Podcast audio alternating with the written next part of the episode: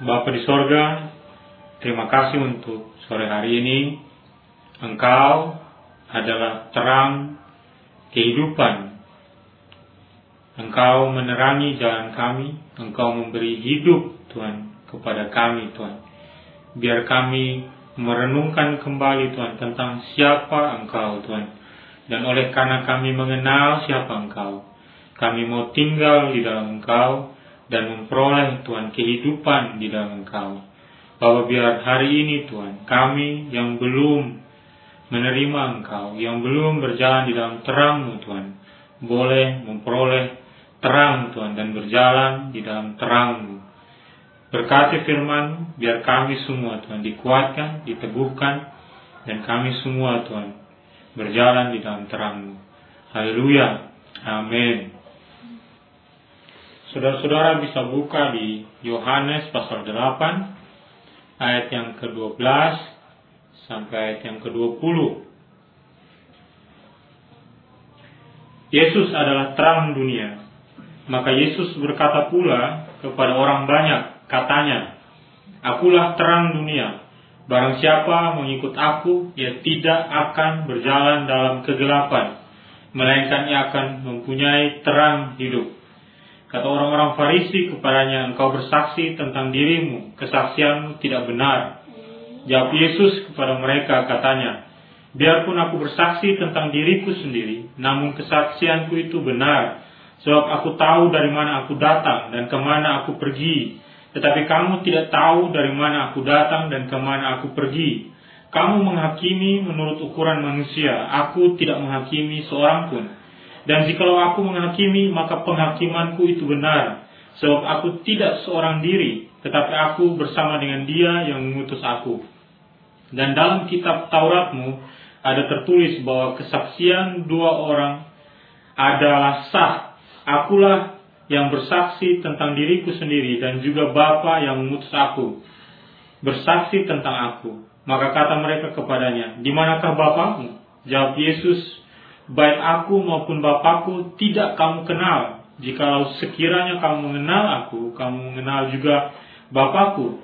Kata-kata itu dikatakan Yesus dengan dekat perbendaharaan waktu ia mengajar di dalam bait Allah. Dan tidak seorang pun yang menangkap dia karena saatnya belum tiba. Yang berbahagia adalah kita yang mendengarkan firman Tuhan yang mau merenungkannya dan yang mau melakukannya dalam kehidupannya. Nah, senang sekali dengar kesaksian dari brother sister semuanya itu menguatkan. Tadi puisinya Yan itu membuat kita untuk memikirkan kembali bahwa Yesus itu pribadi yang luar biasa. Ya, kalau kita baca Injil Yohanes ini, kita menemukan bahwa di bagian terakhir daripada Injil Yohanes ini pasal yang ke-20 ayat yang ke-30 ya. Dia bilang masih banyak tanda lain yang dibuat Yesus di depan mata murid-muridnya yang tidak tercatat dalam kitab ini.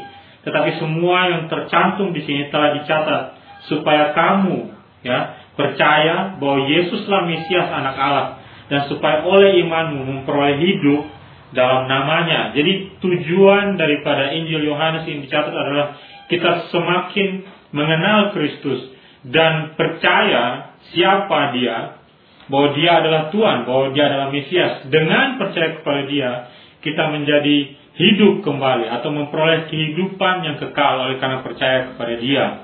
Waktu kita merenungkan selama ini, kau bisa simpulkan bahwa fokus utama dari Injil Yohanes adalah bicara tentang pribadi daripada Tuhan Yesus. Kau tidak pernah berhenti melihat bahwa Injil Yohanes ini terus-menerus menunjukkan tentang siapa Yesus itu, pernyataan demi pernyataan tentang siapa pribadi Yesus ini. Dan setiap pernyataan Yesus mendesak kita untuk memikirkan ulang tentang siapa sih orang ini Kenapa saya harus percaya kepada dia? Ya, dan yang menarik waktu kau baca Injil Yohanes ini, setiap kali Yesus mengeluarkan pernyataan selalu ada hubungannya dengan apa yang dituliskan di dalam Perjanjian Lama. Sepertinya Yesus mau mengatakan bahwa semua yang tertulis di dalam hukum Taurat, semua yang tertulis dalam kitab-kitab suci yang kau baca, semuanya bicara tentang saya. Misalnya waktu kita baca pasal yang keenam, kita menemukan di situ Yesus berkata bahwa Dia adalah mana kehidupan atau roti kehidupan itu mengingatkan orang Israel, mengingatkan orang-orang Yahudi bahwa dialah roti yang diturunkan dari sorga. Dialah mana yang sesungguhnya. Waktu kita baca di pasal 7, Yesus mengatakan bahwa dia adalah batu karang yang olehnya air kehidupan bisa mengalir. Dan setiap orang yang haus boleh datang dan percaya kepadanya dan memperoleh kepuasan di dalam dia. Itu mengingatkan orang Israel kembali tentang peristiwa di masa dan di Meriba. Ya, bahwa Yesus adalah batu karang kehidupan. Kita sampai di pasal yang ke-8 dan hal yang sama masih terjadi ya. Kalau saudara perhatikan pasal yang ke-8 ayat yang ke-20, di situ dibilang kata-kata itu dikatakan Yesus dekat perbendaharaan waktu ia mengajar di dalam bait Allah. Jadi tempat perbendaharaan adalah tempat di mana orang-orang Yahudi menyalakan lilin atau menyalakan obor, menyalakan suatu ya pelita yang sangat besar ya, bukan hanya sekedar pelita, pelita yang sangat besar dinyalakan untuk mengingatkan orang Israel tentang tiang awan dan tiang api. Ya, dengan latar belakang ada tiang awan dan tiang api, Yesus berkata di hadapan orang banyak, dia bilang seperti ini, Akulah terang hidup. Jadi waktu orang Israel atau orang Yahudi mendengarkan pernyataan daripada Tuhan Yesus, mereka tergoncang, mereka kaget, mereka memikirkan kembali. Makanya itu yang akan kita pelajari hari ini. Kita akan mempertimbangkan kembali apa arti daripada pernyataan Yesus mengatakan akulah terang dunia dan apa respon yang harus kita berikan waktu kita mengetahui bahwa dia adalah terang dunia. Amin. Itu dua hal yang akan kita renungkan hari ini. Pertama, apa arti dari pernyataan Yesus bahwa aku adalah terang dunia? Amin. Yang pertama, artinya waktu Yesus bilang bahwa dia adalah terang dunia, dia mengklaim atau dia menyatakan dirinya bahwa dia adalah Tuhan. Amin. Karena begini saudara-saudara, orang Israel atau orang Yahudi selalu menghubungkan terang itu dengan Tuhan. Perhatikan baik-baik. Terang selalu dihubungkan, dikoneksikan, diasosiasikan dengan Tuhan. Saudara bisa buka Mazmur 27 ayat yang pertama. Tuhan adalah terangku. Kemudian kau bisa buka Yesaya 60 ayat yang ke-19. Dikatakan seperti ini, Bagimu matahari tidak lagi menjadi penerang pada siang hari, dan cahaya bulan tidak lagi memberi terang pada malam hari. Tetapi Tuhan akan menjadi apa? Penerang abadi bagimu. Dan Allahmu akan menjadi keagunganmu. Kau bisa buka Ayub 29 ayat 3, kemudian Mika 7 ayat 8. Semua mengatakan hal yang sama. Bahwa Tuhan adalah terang. Jadi yang ada di pikirannya orang Israel waktu Yesus bilang bahwa aku adalah terang dunia, mereka langsung tahu bahwa Yesus sedang menyebut dirinya adalah Tuhan. Nah, saudara harus paham waktu Yesus menyebut terang dunia. Saudara-saudara, kalau saya tanya hari ini, menurut kau terang dunia itu apa? Hari ini kalau saya tanya sama kau, apa benda yang menerangi dunia ini? Matahari. Waktu Yesus bilang bahwa dia adalah terang dunia, dia menyatakan bahwa aku adalah matahari. Maka matahari dari kehidupan. Men, dia tidak bilang saya adalah lampu neon. Dia tidak bilang bahwa saya adalah lilin. Tapi dia adalah matahari. Oleh karena dia, segala sesuatu menjadi terang. Itu pernyataan yang berani sekali. Ya, kau bisa lihat di 1 Yohanes pasal yang pertama, ayat yang kelima. Allah adalah terang dan di dalam dia sama sekali tidak ada kegelapan. Jadi Yesus mengklaim dirinya adalah Tuhan. Dia mengklaim dirinya adalah Tuhan dan dia menyatakan bahwa dirinya tidak memiliki dosa dan tidak memiliki apa celah sama sekali. Kalau hari ini kau dengar ada orang atau di antara kita tiba-tiba Miki pakai kacamata hitam, lihat ke, ke kalian yang ada di center achiever dan dia katakan bahwa aku adalah terang dunia. Apa yang ada di pikirannya kau, saudara-saudara? Hanya ada tiga hal yang akan kau pikirkan. Pertama, dia gila. Kedua, dia penipu. Atau yang ketiga, dia benar apa yang dia katakan. Tapi Yesus tidak hanya sekedar berkata, apa yang Yesus lakukan, apa yang Yesus ajarkan, dan kehidupan daripada Tuhan Yesus memenuhi kriteria bahwa dia adalah terang dunia atau dia adalah Tuhan. Nah ini pernyataan yang tidak mudah ya saudara-saudara. Tapi kau harus merenungkan dengan seksama. Adakah orang di muka bumi ini yang berani mengatakan bahwa dia adalah terang dunia. Dengan keyakinan yang pasti sama seperti Tuhan Yesus. Saya mau kau duduk dan renungkan baik-baik. Waktu Yesus mengatakan aku adalah terang dunia, itu artinya bahwa dia katakan dirinya adalah Tuhan itu sendiri. Men, yang kedua, waktu Yesus mengatakan dirinya adalah terang dunia, Yesus mengatakan atau artinya Yesus adalah sumber kehidupan. Kenapa saya bilang sumber kehidupan? Kau silakan tanya sama Ariesta yang lagi menumbuhkan dia punya sayur pakcoy itu. Lihat, tumbuh kembang sayur pakcoynya si Ariesta itu ditentukan oleh pengaruh daripada sinar matahari. Kurang banyak dapat sinar matahari, dia bisa kerdil, bahkan bisa mati.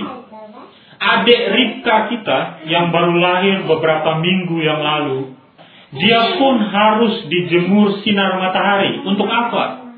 Supaya dia bisa bertumbuh dan jadi kuat. Bahkan orang harus terapi bayi kecil yang tidak dapat sinar matahari harus terapi sinar ultraviolet supaya apa? Supaya bisa hidup, bisa bertahan dan bisa bertumbuh. Amin? Saya juga sekarang, apalagi orang-orang sekarang yang lagi kena COVID, kau tahu salah satu terapi paling bagus adalah apa? Berjemur matahari. Kenapa? Karena orang tahu orang bisa memperoleh kekuatan atau vitamin dari matahari sendiri. Jadi kau lihat bahwa waktu Yesus mengatakan dirinya adalah terang dunia, dia mengklaim bahwa akulah sumber kehidupan. Di luar aku, kau tidak bisa memperoleh kehidupan. Ya, oleh karena saya hidup, kamu pun bisa hidup. Kalau tidak ada saya, kamu tidak bisa hidup. Kau bisa buka Kolose 1 ayat 15 sampai ayat yang ke-16. Saya mau kau renungkan baik-baik. Karena kita bicara tentang Yesus, bukan bicara tentang dirimu. Ya. ya. kita bicara tentang Yesus. Dia yang layak diagungkan. Dia layak untuk ditinggikan. Kolose pasal 1 ayat 15 sampai 16. Ia adalah gambar, Yesus adalah gambar Allah yang tidak kelihatan, yang sulung, lebih utama dari segala yang diciptakan. Karena di dalam dialah, lihat ya, di dalam siapa? Di dalam Yesus, segala sesuatu itu diciptakan. Baik yang ada di sorga, yang ada di bumi, yang kelihatan, yang tidak kelihatan, singgah sana maupun kerajaan, baik pemerintah maupun penguasa, segala sesuatu Lihat itu baik-baik. Segala sesuatu diciptakan oleh dia. oleh Yesus. Dan untuk siapa? Untuk Yesus kembali. Oleh karena ada Yesus, kau bisa ada hari ini. Silakan kau lihat kanan kiri. Ya, kau katakan kanan kirinya kau bilang kamu berhutang kehidupan kepada Yesus. Kalau tidak ada Yesus, mungkin kau tidak ada hari ini. Amin. Dan lihat ya, tujuan kita diciptakan untuk apa? Supaya kita mempersembahkan hidup kita untuk dia kembali yang menciptakan kita. Itu tujuan kita ada. Itu tujuan kenapa kau diselamatkan. Itu tujuan kenapa kau masih menghirup udara sampai hari ini. Tujuan sederhananya adalah supaya kau mengembalikan semuanya kepada Tuhan. Amin. Saya tadi sempat sharing-sharing, sempat ada cerita.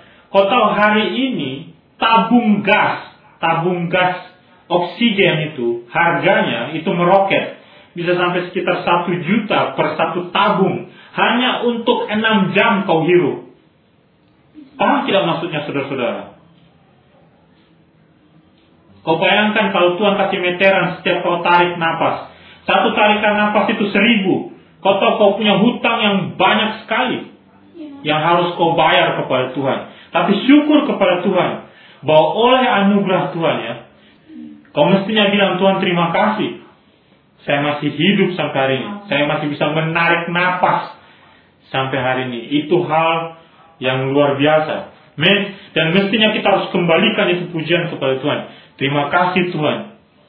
Dan waktu Yesus katakan bahwa aku adalah terang dunia, itu menyatakan bahwa dialah sumber kehidupan. Kita semua harus berbalik kepada dia untuk memperoleh kehidupan di dalam dia. Amin. Yang ketiga, waktu Yesus mengatakan aku adalah terang dunia.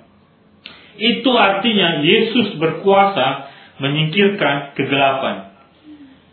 Saudara perhatikan setiap kali mati lampu, waktu ya listrik menyala kembali, apa yang terjadi waktu kau nyalakan lampu di rumahnya kau? Serta merta kegelapan itu pergi. Ya, dan waktu di pagi hari waktu kau melihat matahari terbit, apa yang kau perhatikan? Tiba-tiba dari gelap, dari tidak melihat apa-apa, apa yang terjadi? semuanya menjadi terang. Amin. Yesus waktu dia berbicara seperti ini, sebenarnya dia meneguhkan apa yang sudah dia beritakan. Dia menyatakan apa yang sudah dia kerjakan. Kalau kau lihat di Matius pasal yang keempat ayat yang ke-16, waktu Yesus memulai pelayanannya, ini yang Yesus katakan. Bahwa bangsa yang diam di dalam apa? Kegelapan telah melihat terang yang besar. Terang yang besar itu apa? matahari atau Yesus itu sendiri. Amin. Bahwa Yesus adalah terang. Dia bilang, kamu yang sekarang berada dalam kegelapan, waktu saya datang, kau akan melihat terang yang besar. Dan bagi mereka yang diam di negeri yang dinaungi maut, telah terbit terang. Amin. Jadi waktu Yesus bilang, akulah terang dunia, sebenarnya dia hanya meneguhkan bahwa ini yang terjadi waktu saya datang. Bahwa kegelapan itu pergi. Waktu Yesus datang, dia menyembuhkan orang. Sakit penyakit pergi. Yesus menunjukkan bahwa waktu Yesus datang, semua ketidaksempurnaan menjadi sempurna di dalam Yesus. Waktu Yesus datang, semua kegelapan itu sirna.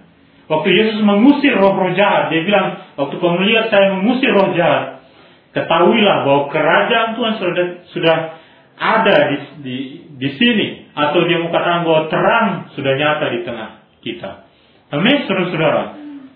Ya, kita kita perlu melihat bahwa waktu Yesus mengatakan bahwa Dia adalah terang dunia, itu menyatakan bahwa Dia berkuasa untuk menyingkirkan kegelapan. Ada baiknya kalau kau berada di dalam kegelapan untuk untuk memikirkan dengan serius, ya. Apakah saya berada di dalam kegelapan? Apakah saya berada di negeri orang mati? Biarlah terang Tuhan terbit atas kau sehingga kau bisa memperoleh kehidupan. Amin, saudara-saudara. Itu hal yang luar biasa hanya untuk memikirkan bahwa Yesus adalah terang dunia. Amin. Yang keempat, waktu Yesus mengatakan bahwa dia adalah terang dunia, itu berarti bahwa Yesus berkuasa menyingkapkan kebenaran dan keberadaan kita, menyingkapkan kebenaran Tuhan dan menyingkapkan siapa sebenarnya kita ini ada penulis novel yang luar biasa namanya C.S. Lewis. Dia seorang ateis yang bertobat percaya kepada Tuhan Yesus. Dia bilang begini, saya percaya kepada kekristenan sama seperti saya percaya bahwa matahari telah terbit. Bukan karena mataharinya telah terbit, tapi karena matahari itu terbit, saya dapat melihat segala sesuatu yang lain. Amin. Ya. Jadi waktu Tuhan mengatakan aku adalah terang dunia, kita bisa mengenal Tuhan oleh karena Yesus. Kita bisa mengenal keberadaan kita oleh karena Tuhan Yesus juga. Ya, kalau kau baca Yohanes pasal yang pertama, ayat yang ke-18, tidak seorang pun yang pernah melihat Allah. Lihat ya, tidak ada seorang pun yang pernah melihat Allah. Tidak ada yang tahu tentang siapa itu Bapa. Tetapi anak tunggal Allah yang ada di pangkuan Bapa, dialah yang menyatakannya. Kita tidak akan pernah tahu siapa Tuhan itu. Kalau Yesus tidak pernah menyatakan tentang siapa Bapa itu. Yesus sendiri mengatakan bahwa aku dan Bapa adalah satu. Jadi waktu orang melihat Yesus, dia bisa melihat Bapa. Orang mengenal Yesus, dia bisa mengenal Bapa. Amin. Yesus seperti matahari, menyinari segala sesuatu. Sebenarnya kau akan terantuk, tapi oleh karena Tuhan menyinari kehidupannya kau, kau tidak jadi teratur. Karena ada terang. Men, kalau kau berjalan di dalam kegelapan, kau bisa menabrak benda atau apa, atau bahkan kau bisa jatuh ke dalam jurang kalau tidak ada terang. Men, itulah sebabnya kenapa motornya kau ada lampu di malam hari. Coba bayangkan Orang jalan di malam hari dan tidak ada lampu motor dan tidak ada lampu jalanan dan tidak ada lampu mobil. Apa yang terjadi dengan kita?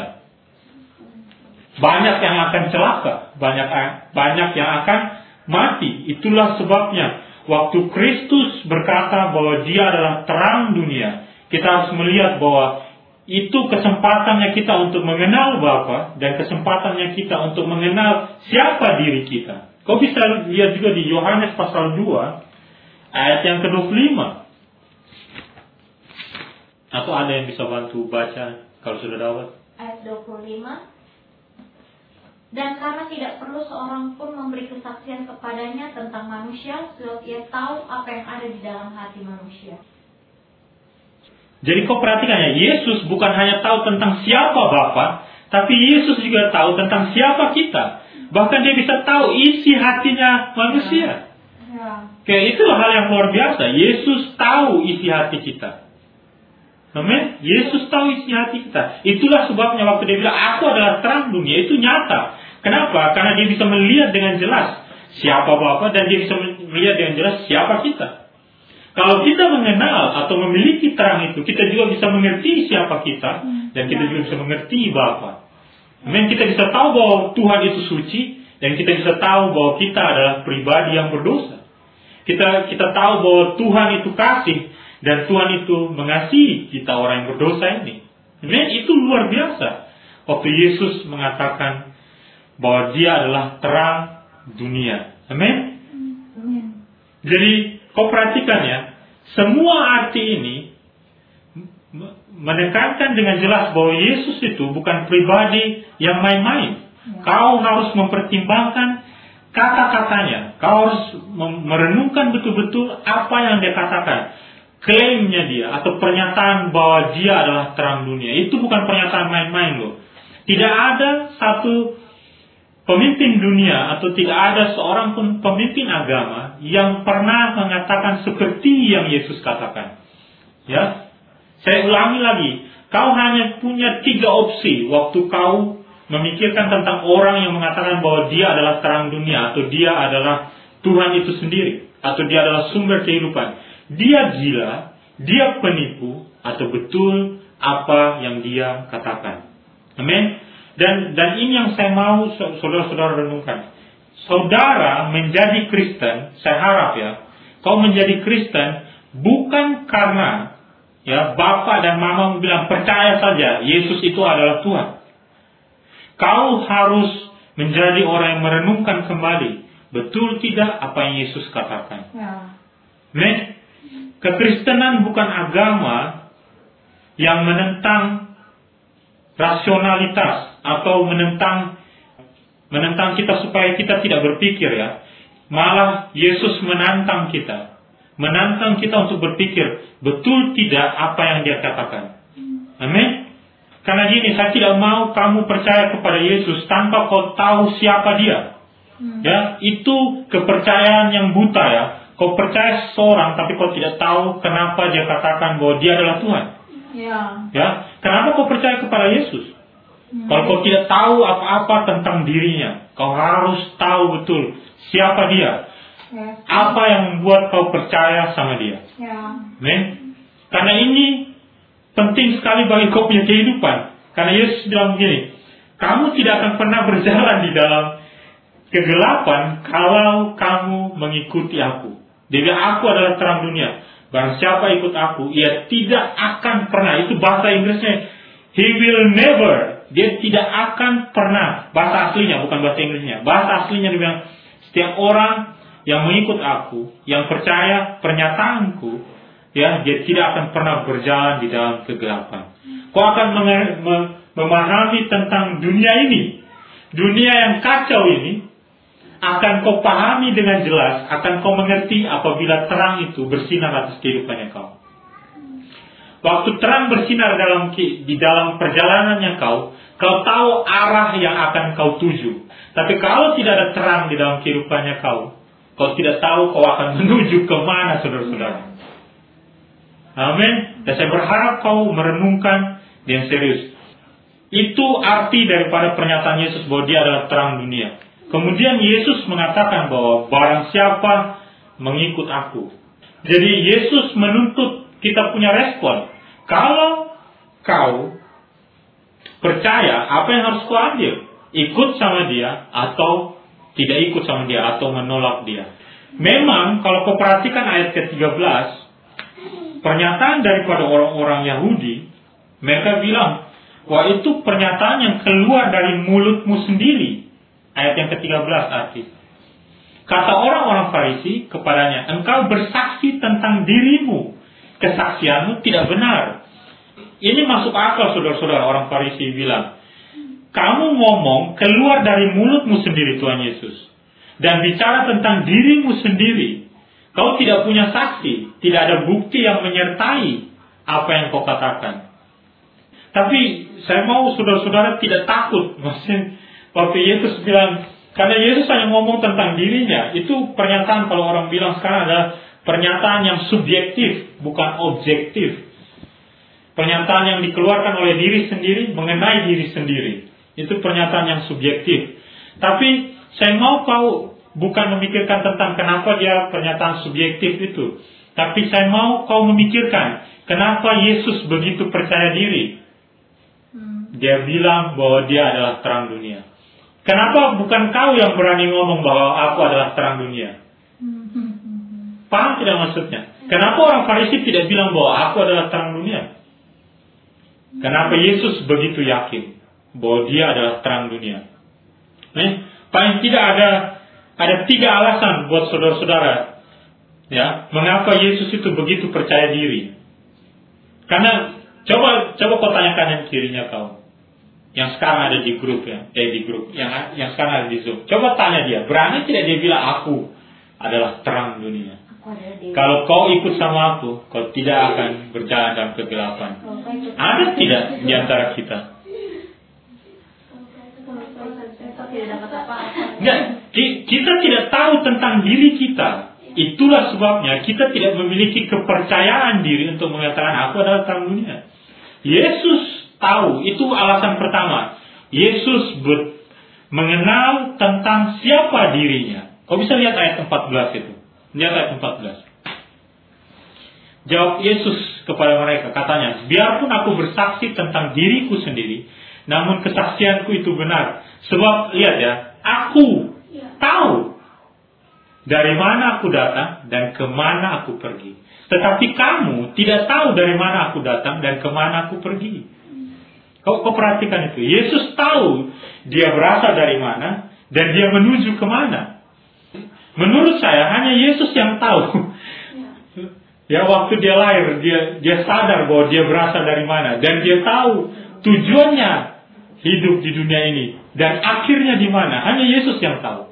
Kalau kita semua ditanya satu persatu, kita tidak tahu kita berasal dari mana dan kita menuju ke mana. Kita tidak pernah tahu. Hanya Yesus yang tahu. Dia yakin sekali. Orang Farisi pun yang bertanya kepada dia tidak tahu. Tidak tahu tentang diri mereka, bahkan tidak tahu tentang siapa Yesus. Mungkin mereka tahu bahwa Yesus adalah anak daripada Yusuf, seorang tukang kayu dari Galilea. eh, dari Nazaret di Galilea. Tapi mereka tidak pernah tahu asal yang sebenarnya daripada Tuhan Yesus. Tapi Yesus tahu siapa dia. Ya. Sama juga saudara-saudara, sama seperti ini saya contoh. Kita yang sudah bertobat lahir baru, dari mana kau tahu bahwa kau pribadi yang baru?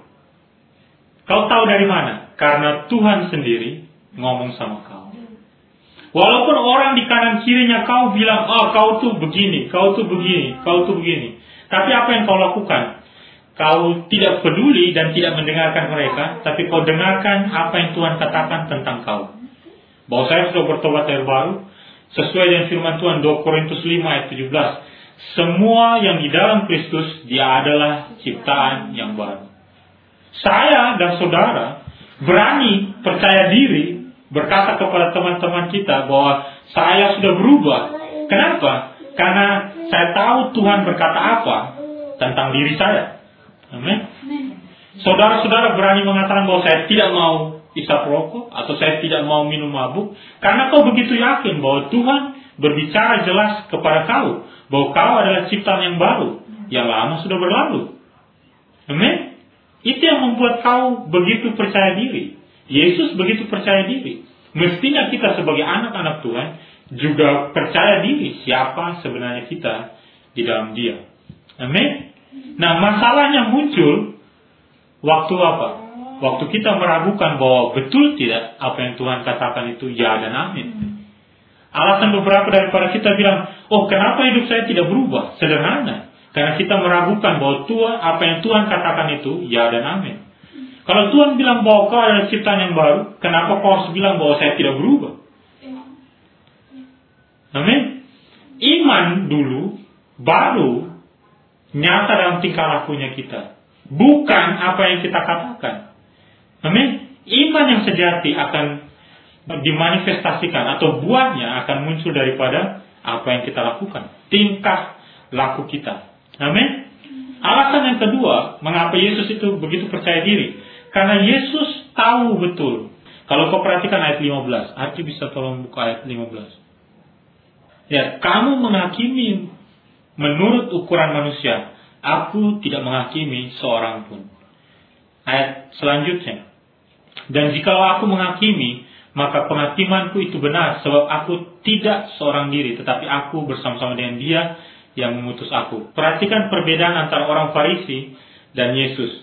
Yesus bilang, saya kenapa begitu yakin? Karena saya bisa melihat orang sampai ke dasar hati mereka. Hmm. Sedangkan kamu menghakimi menurut ukuran manusia atau kamu menghakimi menurut apa yang kamu lihat. Ya. Kamu melihat saya sebagai seorang dari Nazaret, seorang tukang kayu. Itu yang terlihat. Tapi kau tidak tahu apa yang ada di dalam diri saya. Siapa sebenarnya saya? Sebenarnya kalau kamu mau lebih lagi seksama merenungkan baik-baik atau mencari tahu asal usul saya, kau akan tahu bahwa saya lahir di Bethlehem.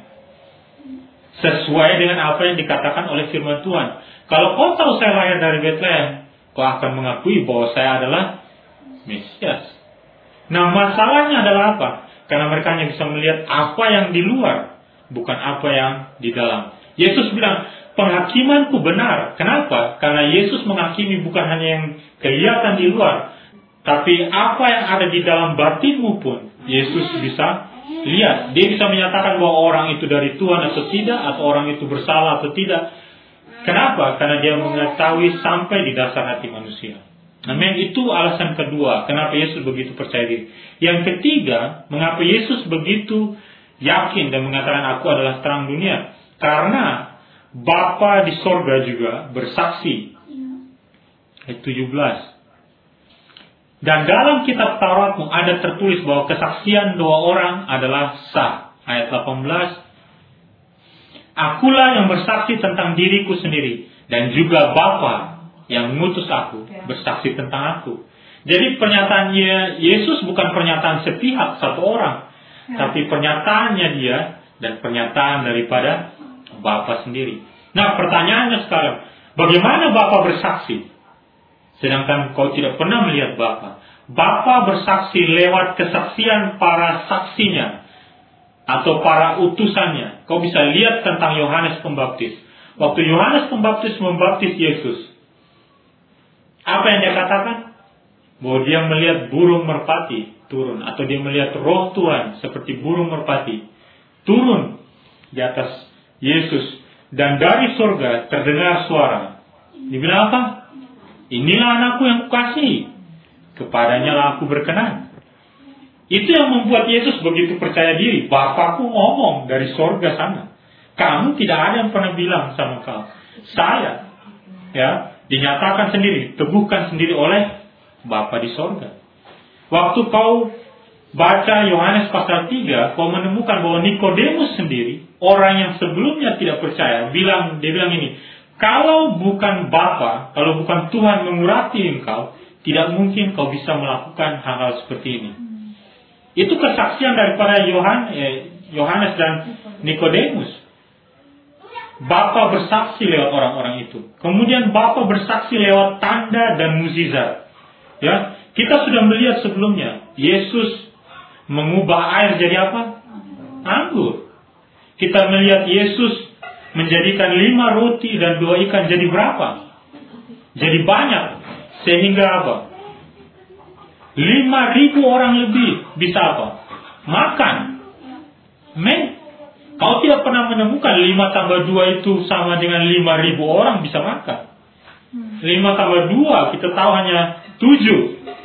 Ya, Tuhan hanya Tuhan yang bisa melakukan lima tambah dua bisa memberi makan lima ribu orang dan masih ada sisa lagi dua belas bakul. Amin. Itu kesaksian. Ya, hanya Yesus yang bisa menyembuhkan orang dari jarak jauh. Hanya Yesus yang bisa berjalan di atas air. Hanya Yesus. Amin. Dan saya mau kau renungkan betul-betul. Ya, bahwa Bapa di sorga bersaksi lewat kesaksian para utusannya, lewat tanda dan mukjizat. Dan yang terakhir, bersaksi lewat penggenapan kitab suci. Ya, semua yang dikatakan oleh kitab suci digenapi sepenuhnya oleh Tuhan Yesus. Hmm. Saudara silahkan baca sendiri Yohanes pasal 5. Yesus mengatakan bahwa kitab-kitab suci itu sudah bersaksi tentang saya. Masalahnya adalah apa? Kamu tidak mau mendengarkan kesaksian daripada kitab suci, kesaksian daripada saksi-saksi, kesaksian dari pekerjaan Tuhan Yesus itu sendiri. Amin. Dan yang paling luar biasa ya, kesaksian yang paling luar biasa bahwa Tuhan bersaksi di dalam hati nurani kita semua. Kenapa beberapa dari dari antara kita bisa percaya kepada Tuhan Yesus walaupun kita tidak tahu banyak tentang firman Tuhan? Karena ada kesaksian di dalam batin kita. Tiba-tiba kau merasa bahwa saya butuh Tuhan. Siapa yang membuat kau tahu bahwa kau berdosa? Siapa yang membuat kau yakin bahwa saya butuh Tuhan?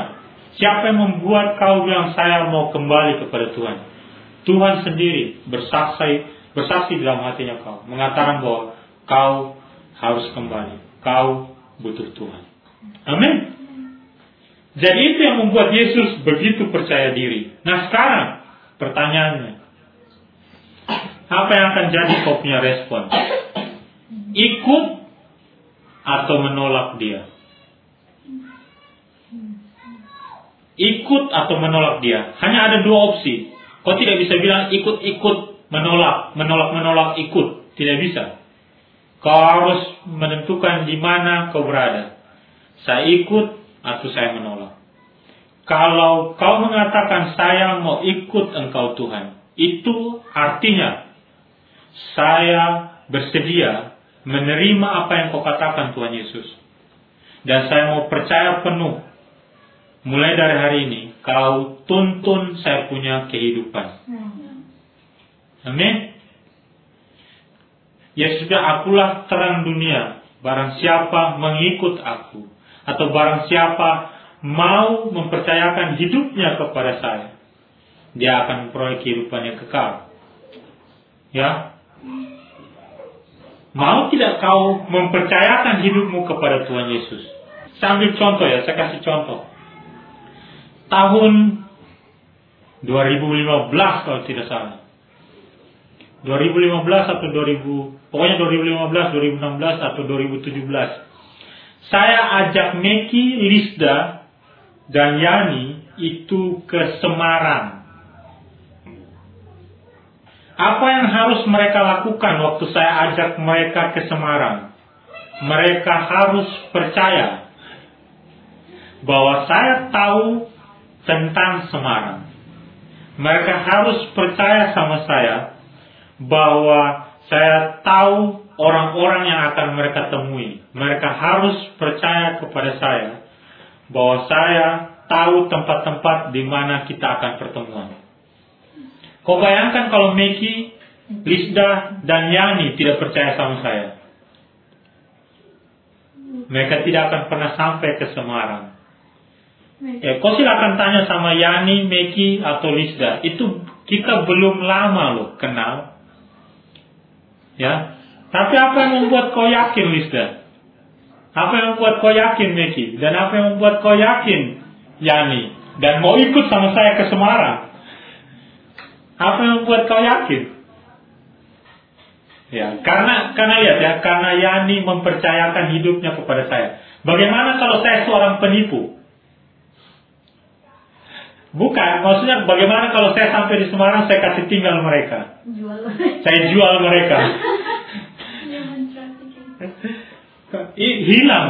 Nah, lihat ya saudara-saudara. Ya, Waktu kita bilang saya mau ikut Tuhan, kau mempercayakan hidupmu loh. Semua hidupmu. Kau percaya bahwa semua yang Yesus katakan itu benar adanya. Bahwa dia akan menuntun kau ke surga yang kekal. Kau akan memperoleh kebahagiaan. Ya, kau harus yakin dengan benar. Yakin dengan sungguh. Bahwa waktu kau mempercayakan hidupmu kepada Tuhan, kau akan sampai ke sana. Amin. Dan inilah keuntungan yang kau dapat waktu kau bilang saya mau percaya kepada Tuhan Yesus. Ada jaminan. Jaminannya apa? Rasa aman. Ya. Kau bayangkan kalau Lisda, ya, Lisda, Yani dan Meki tidak percaya sama saya. Ya, mereka tidak pernah akan aman di dalam perjalanan ke Semarang. Ya. Bagaimana kalau saya ditinggal di tengah jalan? Bagaimana kalau kami tersesat? Bagaimana kalau kami tidak tahu jalan di Semarang? Bagaimana kalau kami tidak tahu Terboyo, Banyumani? Bagaimana kalau kami tidak tahu Simpang Lima? Tidak tahu tentang di mana itu uh, Tembalang, di mana Undik? Kalau saya tidak tahu. Amin, saudara-saudara. Kau memiliki rasa aman waktu kau percaya kepada Tuhan Yesus. Bahwa dia tidak akan tersesat. Kalau Yesus tidak tersesat, maka saya pun berani menjaminkan hidup saya. Saya tidak akan tersesat sama sekali. Ya. Men, saya bisa tenang di dalam kehidupan ini. Waktu Yesus bilang, terang dunia, orang Israel memikirkan tentang tiang api di malam hari. Ya, setiap ada tiang api, orang Israel menjadi aman. Mereka tahu mereka akan menuju ke mana. Setiap kali tiang api itu bergerak, mereka akan ikut. Men, tiang api itu bukan hanya menjadi penuntun bagi mereka. Ya, tiang api itu juga menghangatkan mereka, ya, menyingkirkan rasa takut mereka di malam hari, ya, dan membuat mereka tidak takut dengan semua serangan daripada dari mana pun. Men, kenapa? Karena Tuhan. Ya, kita juga waktu kita mau percaya, waktu kita mau ikut, akan ada rasa aman, akan ada damai sejahtera, kita akan lepas dari semua ketakutan di tengah dunia ini. Amin. Dan yang terakhir, respon yang terakhir, respon yang salah adalah menolak. Amin. Tidak mau menerima bahwa pernyataan Yesus itu benar. Nah, kau bilang konsekuensinya apa? Konsekuensinya sederhana. Kau akan berada dalam kegelapan, tidak akan ada kepastian di dalam kehidupannya kau. Amin. Orang yang hidup tanpa terang tidak memiliki kepastian apa-apa dalam kehidupan ini. Ya, kau tidak tahu kau akan masuk lubang, kau tidak akan tahu kau akan jatuh ke mana, kau tidak akan tahu kau akan berakhir di mana. Men, ada dua hal ya yang membuat orang-orang ini menolak Tuhan Yesus. Di ayat yang ke-14 dan ayat yang ke-19. Di ayat yang ke-14 Yesus bilang, Aku tahu tapi kamu tidak tahu. Ya. Alasan pertama mereka menolak Tuhan Yesus atau menolak pernyataan Tuhan Yesus, tidak mau ikut dengan Tuhan Yesus karena mereka masa bodoh. Tidak mau tahu bahwa Yesus itu adalah Tuhan. Mereka hanya mau tahu Yesus itu anak tukang kayu. Yesus itu dari Nazaret. Itu yang mau mereka tahu. Tapi mereka tidak mau tahu yang lain tentang pribadi Yesus. Itu alasan mereka menolak Tuhan Yesus. Kalau hari ini kau mendengar pernyataan Tuhan Yesus, saya mau kau renungkan baik-baik. Ya.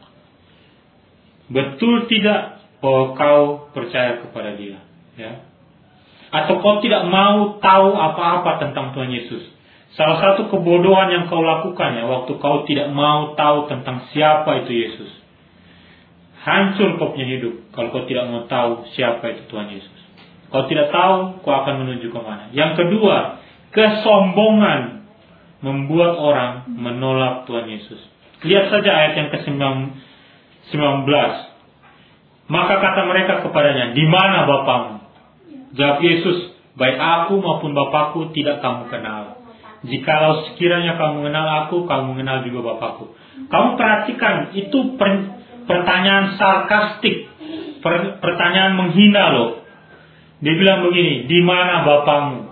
Itu menghina sekali. Karena mereka tahu silsilah daripada Tuhan Yesus. Yesus, e, Maria itu hamil sebelum dinikahi oleh Yusuf. Mereka tidak tahu kenapa Maria itu hamil, bahwa Maria hamil oleh karena kuasa Roh Kudus. Mereka tidak pernah tahu tentang hal itu. Ya, mereka menganggap Yesus itu anak haram, makanya mereka katakan di mana bapamu? Sebenarnya itu pernyataan yang kasar sekali. Pernyataan yang kasar dan itu alasan mereka tidak mau mengikut Yesus. Mereka tidak mau ikut anak haram atau mereka tidak mau ikut dengan si tukang kayu. Kami orang Yahudi belajar tentang banyak hal tentang Alkitab kami lulusan terbaik dari Yerusalem. Buat apa kami mendengarkan si tukang kayu yang bapaknya tidak jelas di mana? Paham tidak maksudnya saudara-saudara? Kesombongan mereka membuat mereka tidak mau datang dan percaya kepada Tuhan Yesus. Dan ini yang lebih mengerikan saudara-saudara. Akar daripada kesombongan mereka, akar dari dari masa bodoh mereka atau tidak mau tahunya mereka ini, akarnya adalah apa? bahwa mereka mencintai kegelapan dan membenci terang. Yohanes 3 ayat 19 bilang begini. Dan inilah hukuman itu. Terang telah datang ke dalam dunia. Tetapi manusia lebih menyukai kegelapan daripada terang. Sebab perbuatan-perbuatan mereka jahat. Kau tahu, waktu Yesus datang, Yesus menerangi semua perbuatan jahat mereka. Mereka marah, mereka ingin menyingkirkan terang itu. Mereka berusaha untuk menutupi terang itu. Mereka berusaha untuk menyingkirkan Tuhan Yesus supaya apa? Karena supaya apa? Supaya terang itu tidak menelanjangi semua perbuatan jahat, semua dosa-dosa mereka. Alasan detik ini saudara-saudara, mungkin di antara saudara-saudara belum menerima Tuhan Yesus. Cuma satu saudara-saudara, mungkin kau masih mencintai dosamu. Kau masih mencintai perbuatan-perbuatan jahatmu. Dan kau tidak mau keluar dari kegelapan. Itulah sebabnya kau membenci terang. Terang itu kadang-kadang menyakitkan. Saya, saya umpamakan seperti ini saudara-saudara. Waktu saya bawa motor, saya berada di pihaknya terang. Paham tidak saya? Terang itu menyinari jalan saya. Tapi orang yang berhadapan dengan terang itu silau. Ya. Matanya sakit waktu dia disinari oleh terang. Itu yang terjadi. Waktu kau bersama dengan Kristus, terang itu adalah hal yang baik bagi kau, bermanfaat bagi kau, memberi petunjuk bagi kau. Tapi jika kau berlawanan dengan terang itu, terang itu akan menyakiti kau. Dan itu yang terjadi dengan orang Farisi. Mereka melawan terang itu. Itulah sebabnya terang itu begitu menyakitkan bagi mereka. Amin. Saya tutup saudara-saudara. Ada dua ya pilihan di sini. Kau mau ikut atau kau mau menolak. Pernyataan Yesus sudah jelas. Artinya sudah jelas. bahwa dia adalah Tuhan. Dia adalah matahari itu. Dialah yang memberi kehidupan kepada kita. Tanpa dia, kita akan mati. Tidak ada kehidupan. Amin. Hanya Yesus yang bisa menyingkirkan kegelapan. Dan yang terakhir, Yesus punya pernyataan berarti bahwa Yesus yang paling mengerti tentang kau. Dan hanya Yesus yang paling mengerti tentang Bapa. Kalau kau memperoleh Kristus, kau mengerti tentang dirimu, mengerti tentang Bapa dan mengerti tentang dunia ini. Pilihan ada di tangannya kau. Silakan kau menentukan di mana kau berada hari ini. Amin. Saya berharap lewat apa yang saya bagikan hari ini, kau mau datang dan semakin mengenal pribadi Kristus dan hidupmu menjadi semakin terang waktu kau datang kepada terang itu sendiri. Amin. Bahkan kalau kau lihat berkatnya itu luar biasa. Bahwa kamu akan memperoleh terang hidup. Amin. Kau pun akan memperoleh terang hidup. Mari kita berdoa. Mari kita merespon firman Tuhan.